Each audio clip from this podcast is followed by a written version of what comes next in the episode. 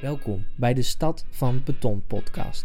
Elke aflevering behandel ik hier een bijzonder gebouw uit de jaren 50, 60 of 70 in Groningen. Ik ben Julian en heb Stad van Beton opgezet als visueel platform voor het creëren van meer waardering voor de architectuur uit die roerige tijd. En nu is daar deze podcast bijgekomen.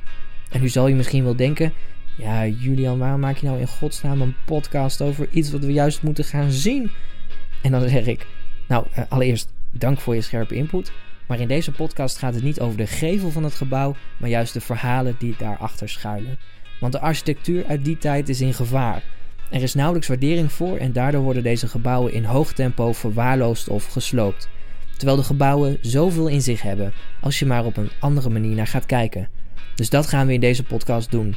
Elke aflevering laat ik interessante mensen aan het woord die allemaal weer een verschillend perspectief kunnen bieden op een bepaald gebouw. Welkom bij de eerste aflevering van de Stad van Beton podcast.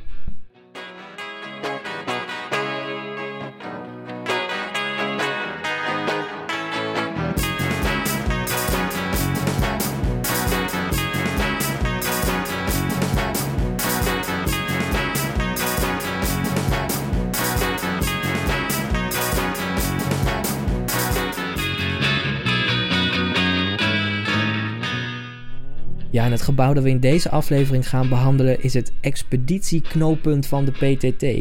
Een gigantisch betonnen kolos vlak achter het station, gebouwd in de jaren 70. Het staat in mijn eigen buurt en ik, ik vond het eigenlijk altijd een heel charmant en interessant gebouw. Ik liep er dan wel eens met een vriend langs en die dacht er dan heel anders over. Nou ja, ik, uh, ik laat hem zelf wel even aan het woord. Ik vind het echt niet om aan te zien. Het spijt me zeer. Nee, um, het is gewoon een betonblok. Dat vind ik niet mooi. Ja. Dat vind ik niet mooi. Want veel nieuwe gebouwen, um, het, zijn, zijn vooral de stenen ook. Kijk, als het gewoon mooie bakstenen of zo waren, of als het gewoon wit was, maar het is grijs en het ziet er vies uit. En nee, ik vind het niet mooi. En ik vind het qua architectuur ook niet echt spannend of zo. Ja, het is gewoon een blokkendoos van beton. Dat, dat, trekt me niet zo. Ja, die uh, algehele waardering was nogal ver te zoeken. Het frustreerde me dat maar weinig mensen de schoonheid ervan konden inzien. Dat ook de gemeente maar weinig liefde kon opbrengen voor het gebouw, werd me al snel pijnlijk duidelijk.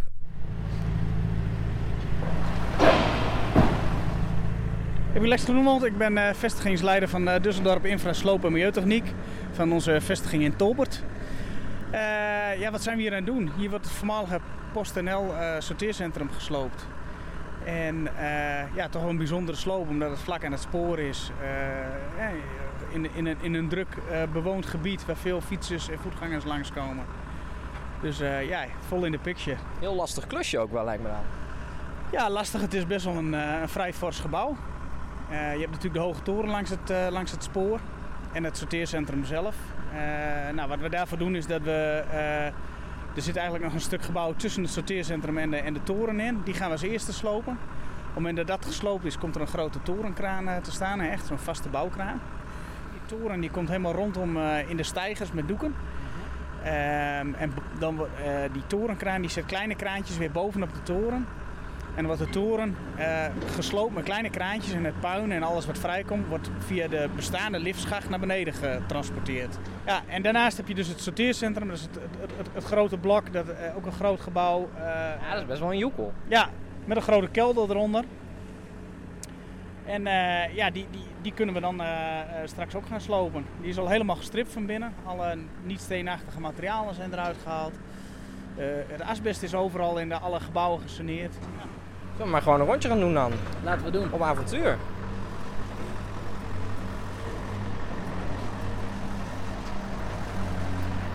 we gaan, hier, dus ook, hier zijn de zijkant al, al bezig.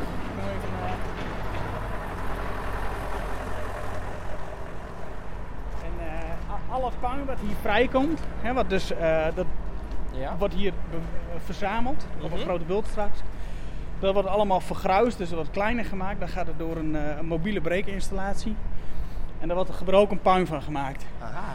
En dat, gebroken puin dat wordt weer gebruikt in de uh, bouw van, van nieuwe infrastructuur, van nieuwe wegen. Oh, dus dat is ook nog heel erg duurzaam bijna. Ja, dat is heel duurzaam. Ja, de, de, uiteindelijk wordt toch wel een, een, een ja, 90, 95 procent misschien wel uh, eigenlijk uiteindelijk weer hergebruikt. En ja, zoals het nu lijkt, eh, eh, blijft het ook in de gemeente Groningen.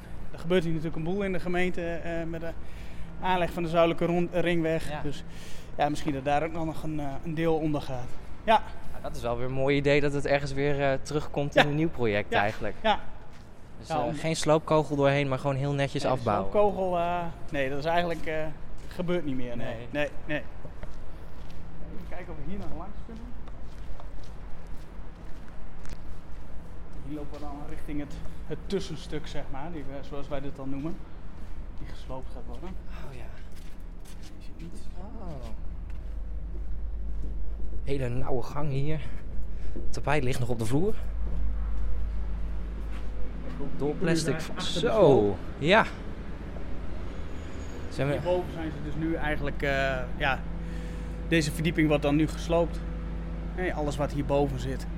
En dit is nog wel wat meer oorlogsgebied. eh. Dit, dit lijkt wat meer oorlogsgebied, hè? Ja. Lopen we even hier snel langs? Allemaal bordjes en stoelen. Grote ventilatiebuizen. En hier worden gewoon met eh, gigantische kranen ingehakt op het zijgebouw. Er wordt best wel heel veel gesloopt. Ja, en ook zeker uit de jaren eh, 60, 70. Kantoorpanden, eh, eh, sowieso.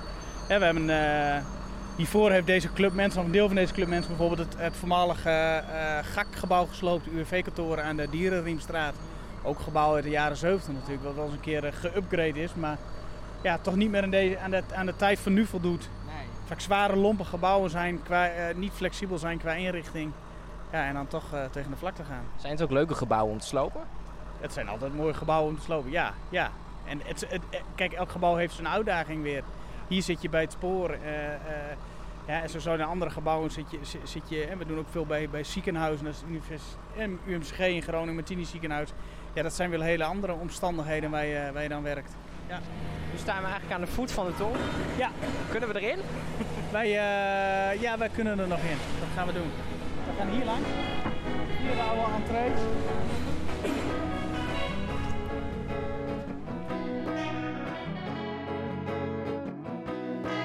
Maar ik wist dat sowieso één iemand wel de schoonheid ervan kon inzien en het gebouw in de juiste context kon plaatsen: de architect. En in dit geval is dat Frans Kolkman, 81 jaar oud en ik zocht hem op in zijn huis in Duiven. Hij, hij staat er nog gedeeltelijk. Ze zijn in, ehm, wat zal het zijn? Ergens in juni zijn ze al begonnen met het afzetten en het strippen van binnenuit. En dan is dus, dus het hele gebouw gaat weg. Het hele gebouw gaat weg. Ja. Het is ook uit een andere tijd. Ja. Met een andere functie gebouwd. Dus, Ja. Frans was midden 30 toen hij door de PTT werd gevraagd om het eerste distributieknooppunt van Nederland, afgekort EKP, te ontwerpen voor de stad Groningen. In die dagen werd eh, eh, de postcode ingevoerd met het doel om op, in elke provincie een postdistrictsgebouw te zetten. En dan een postdistributiegebouw vooral, een EKP zoals dat dan heette.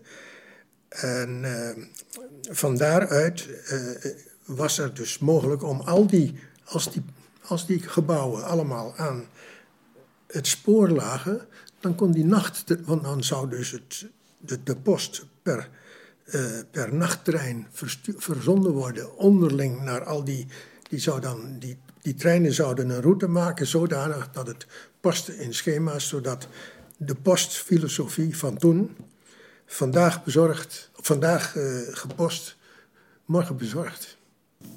Groningen was het eerste EKP en heel langzamerhand hadden ze al enkele gebouwen, maar eh, elke provincie kreeg zijn eigen nieuwe EKP. En eh, wij als architecten hebben dus er twee mogen maken, omdat we er één goed gedaan hadden. Mochten we er twee maken. Nog één architect geweest die dat gehad heeft, dus ter geruststelling, ik was niet alleen. Dus op dat terrein van de NS, waar ja, distributieachtige bestemming op zat, daar wilde men dat postdistrictsgebouw bouwen. En het gevolg was dus dat ja, zei de bevolking, maar het is voor wonen. En, en, en het was erg, eh, eh, alles moest naar wonen toe volgens de Groningse methodiek en zo. En dus ontstond er een enorme weerstand in de maatschappij. En er zijn dus, heel kort gezegd, vier bezwarenprocedures tot aan de Raad van State geweest. om dat gebouw daar te bouwen. En onder het mom van die bestemming werden al die bezwaren gewoon van tafel geveegd. Want de NS mag best distributietreinen verzorgen. En daar moet- een gebouw bij horen en dat mag. En als vanuit daar naar de wijk, respectief de regio, transport nodig is, dat gaat dan per postauto. En toen kregen alle autootjes van de post kregen een rode kleur. En grote vrachtwagens kwamen erin met laadkleppen en alles en zo. Toen werd dat dus, dat hele postbedrijf werd grootschalig aangepakt, zodat de distributie niet alleen maar met handkracht, maar met grote hoeveelheden plaats kon vinden. Nou, dat gebeurde aan de zuidkant van het station. In, eh, van 74 tot 78, drie jaar hebben we erover gebouwd. En eh, je omschreef net mooi de, de, de, de, de productieruimte en de tussenlid en, het, en de toren. Dat was ook een voorwaarde van de stedenbouwers, dat dat op die wijze moest worden opgezet. Eh, ik zelf had er andere ideeën over. Wat was jouw idee dan over de opzet?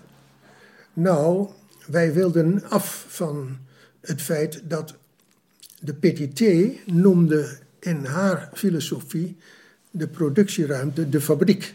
Hmm. En het kantoorruimte van de, van de, de burelen, dat was eh, voor hun, eh, ja, dat waren eh, eh, hoger gekwalificeerde mensen. En dat vonden wij als architecten niet juist, want wij vonden de mensen op de werkvloer net zo belangrijk als de mensen achter een bureau. Ja, niet dat de En directie wij zeg maar nooit langs gebouw, hoeft te komen. Dus wij wilden niet een fabriek maken en een kantoor. Ja, En dus we hebben er daar één saus overheen gegooid. Dat zijn dus allemaal betonnen gevels. Het heeft een hele strijd gekost om dat begrip fabriek, om dat weg te poetsen. Al in de jaren 90 bleken de posttreinen niet meer rendabel en was het praktischer om te werken vanuit vijf EKP's in plaats van 12. Noord, Oost, Zuid en twee in het westen.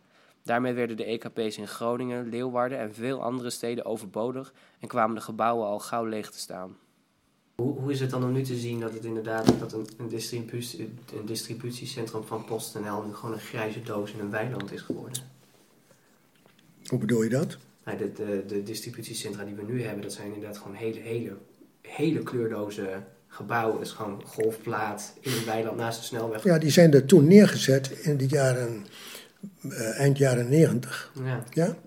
En eh, de achtergrond daarvan is dat eh, het, het, het mocht natuurlijk na die enorme investering, die een desinvestering bleek, niet meer zoveel kosten. Dat is een van de, dat is heel begrijpelijk. Het zijn wat kost het, is natuurlijk ook belangrijk.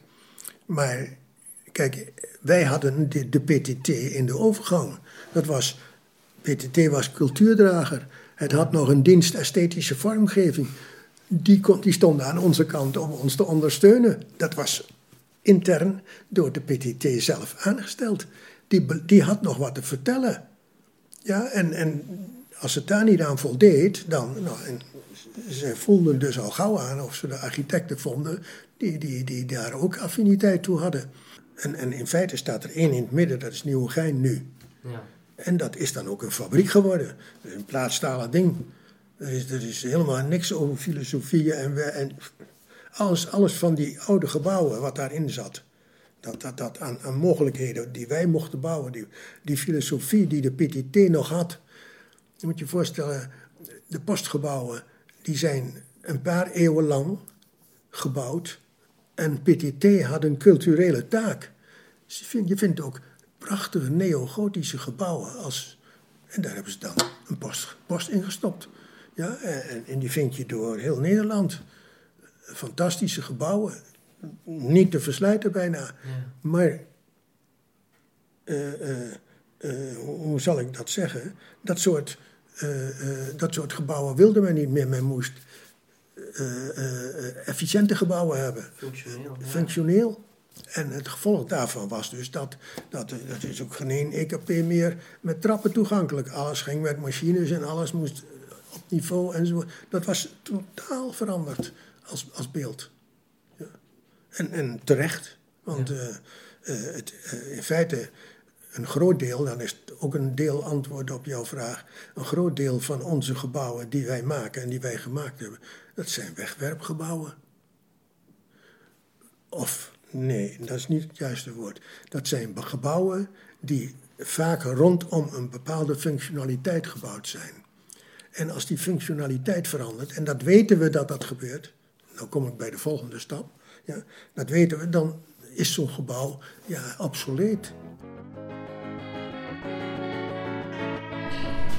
Ja, we zijn bijna boven. Zo. eh, zo ver schoon.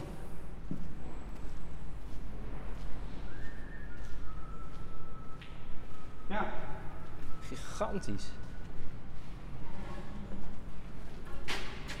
hier is dus alles eh, een beetje weggesloten. Helemaal leeg. Ja, Aantal ramen eruit. ja. En eh, merk je nou ook nog een verschil als je gebouwen uit de jaren 60, 70 moet eh, afbreken? Zijn er echt nog dingen aan die anders zijn dan bij andere projecten? Eh, ja, het asbest, hè? Veel gebruikt in die tijd.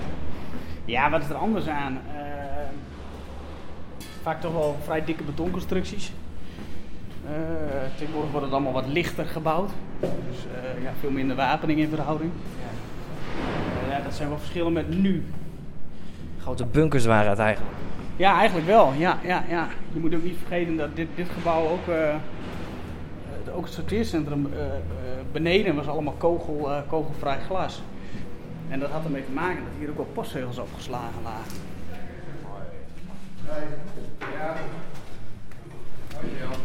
Deze stem, Die is van Haas. Deze.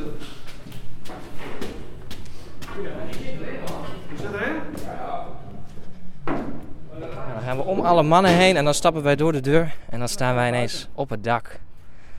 Hier kun je mooi kijken hoe scheef de Martini-toren staat. Ja, Dat zie je Inderdaad. niet Veel, eh, vanaf veel kanten. eh. nee. Dit is net de, de juiste plek waar je staat om te zien hoe scheef. Wat een geweldig Ja, uitzicht. je hebt mooi uitzicht hier. Dus wij zijn de laatste mensen die nog van dit uitzicht kunnen genieten van dit punt. Ja, ja. Als het heel helder is, zie je de, zie je de Eemshaven zelfs. Dat is nu helaas niet helder genoeg voor. Het is Groningen dan toch ook klein? Ja, maar wel groen. Ja. Goed, je kunt hier wel zien eh, ja, hoe dicht je eigenlijk overal op zit. Ja. En eh, ja, stel er valt wat naar beneden, ja, dat, dat gaat dan Dan ben je wel goed de lul. Ja. Daar- Daarom, dat moet je dus Ja. niet hebben. Dus vandaar dat straks een hele mooie grote stijger omheen komt te staan. Dan pakken we hem eigenlijk in als cadeautje. Dan slopen we hem naar beneden en elke keer als er een verdieping gesloopt wordt, gaat de stijger ook weer mee naar beneden. Ja, Totdat je uiteindelijk eh, ja, de toren eigenlijk weg is. En zoals er nu heel veel gebouwd wordt, dat er eh, elke, verdieping, eh, elke week een verdieping opgebouwd wordt en een Ja. gebouw ziet groeien, hè, als aan de Friese Straatweg bijvoorbeeld. ja het Groningen Forum en Groningen Forum. komt er lekker ja, uit. Zul, je, zal dit gebouw langzaam naar beneden zakken. Want zo gaat het ook in Groningen. Ja, ja. klein mapje aangemaakt met Ja. foto's. Dit was dan in de, hè, de doorgang van Ja. de NS. En dit was nog voor de... Dus ik, ik ben er nog op tijd bij geweest, zeg maar. Dat was de toren nog, ja. Ja. ja, dat is zuidelijke wagens. perrontoegang is dat. Dit is de, op de, aan, aan, aan de hoek van het gebouw, ja. Daarboven zit de kantine, dat weet ik wel.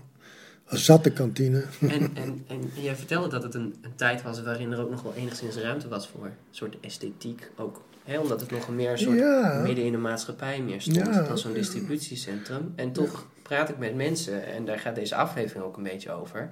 eh, die vinden, ja, dit is zo'n grijze kantoren, blokkendoos. Daar, Ja. Er zit niet echt een idee achter, achter Nee, dit ding. dat klopt. Zit er ook helemaal geen idee achter aan de Jawel, buitenkant? maar, maar als je niks aan een gebouw doet, dan verpaupert het heel snel. Als je het vuil laat worden. Maar toen het mooi was, toen het glinsterde. En eh, toen, toen had het dus, kijk, want als je nou goed kijkt, dan zie je dus in de gevel, zie je dus op de plek waar de dragers staan, zie je die borstwering lager. En de achtergrond daarvan was, een halve trafee was een werkplek. En ik wilde dus daar aan de gevel laten zien dat dat allemaal werkplekken waren. Het was gewoon om stroken architectuur te maken, heette dat. En nou, dat was het goedkoopste. Dat, dat, dat, dat laagste stuk, dat kostte heel veel geld. Maar er zat een heel verhaal achter. Het water werd vanuit de gevel verzameld naar die laagste stukken. En liep dan door en viel dan naar beneden op de volgende in, in, het, in de volgende hemelwaterafvoer. En zo hield ik die gevel droog en dan vervuilde die niet. Ja, dat is een, een heel technisch verhaal zit daarachter. Ja. Dat, is, dat is niet zomaar iets. En, en diezelfde geveluitdrukking is dus ook gemaakt voor de fabriek of voor het sorteercentrum. Er zit zonwerend glas in, bijvoorbeeld. Dat was uh, uniek in die tijd. Want, want uh, dat, niet, niet zomaar zonwerend glas, maar je had verschillende soorten. Je had zonreflecterend glas en je had zonabsorberend glas. En beide konden een bepaalde uh, zonwering hebben. Maar dan was dus erg belangrijk hoeveel lichttoetreding was er nog. Want het licht werd geremd door de zonweringsfunctie in het glas. Hoefde ik niet meer zonschermen te maken en dat soort dingen. En dat zijn dure onderhoudsdingen. Nou, dat was niet aan de orde hier bij dit gebouw. Doet, doet dat iets met je als je als, je als architect na zo'n bepaalde tijd het bericht krijgt van we, we gaan hem slopen? Nee, want ik heb het eerste ziekenhuis wat ik heb mogen bouwen kort na dit. Of was dat... Nee, dat was, dat was al klaar. Overvecht in Utrecht, ja. Dat was 13 bouwlagen hoog. Dus dat doet niet niks. En uh, ik heb daar, uh, ik denk twee of drie jaar geleden, een foto van gestuurd gekregen. Van iemand die mij kende. En die zei: Ik zag jouw gebouw.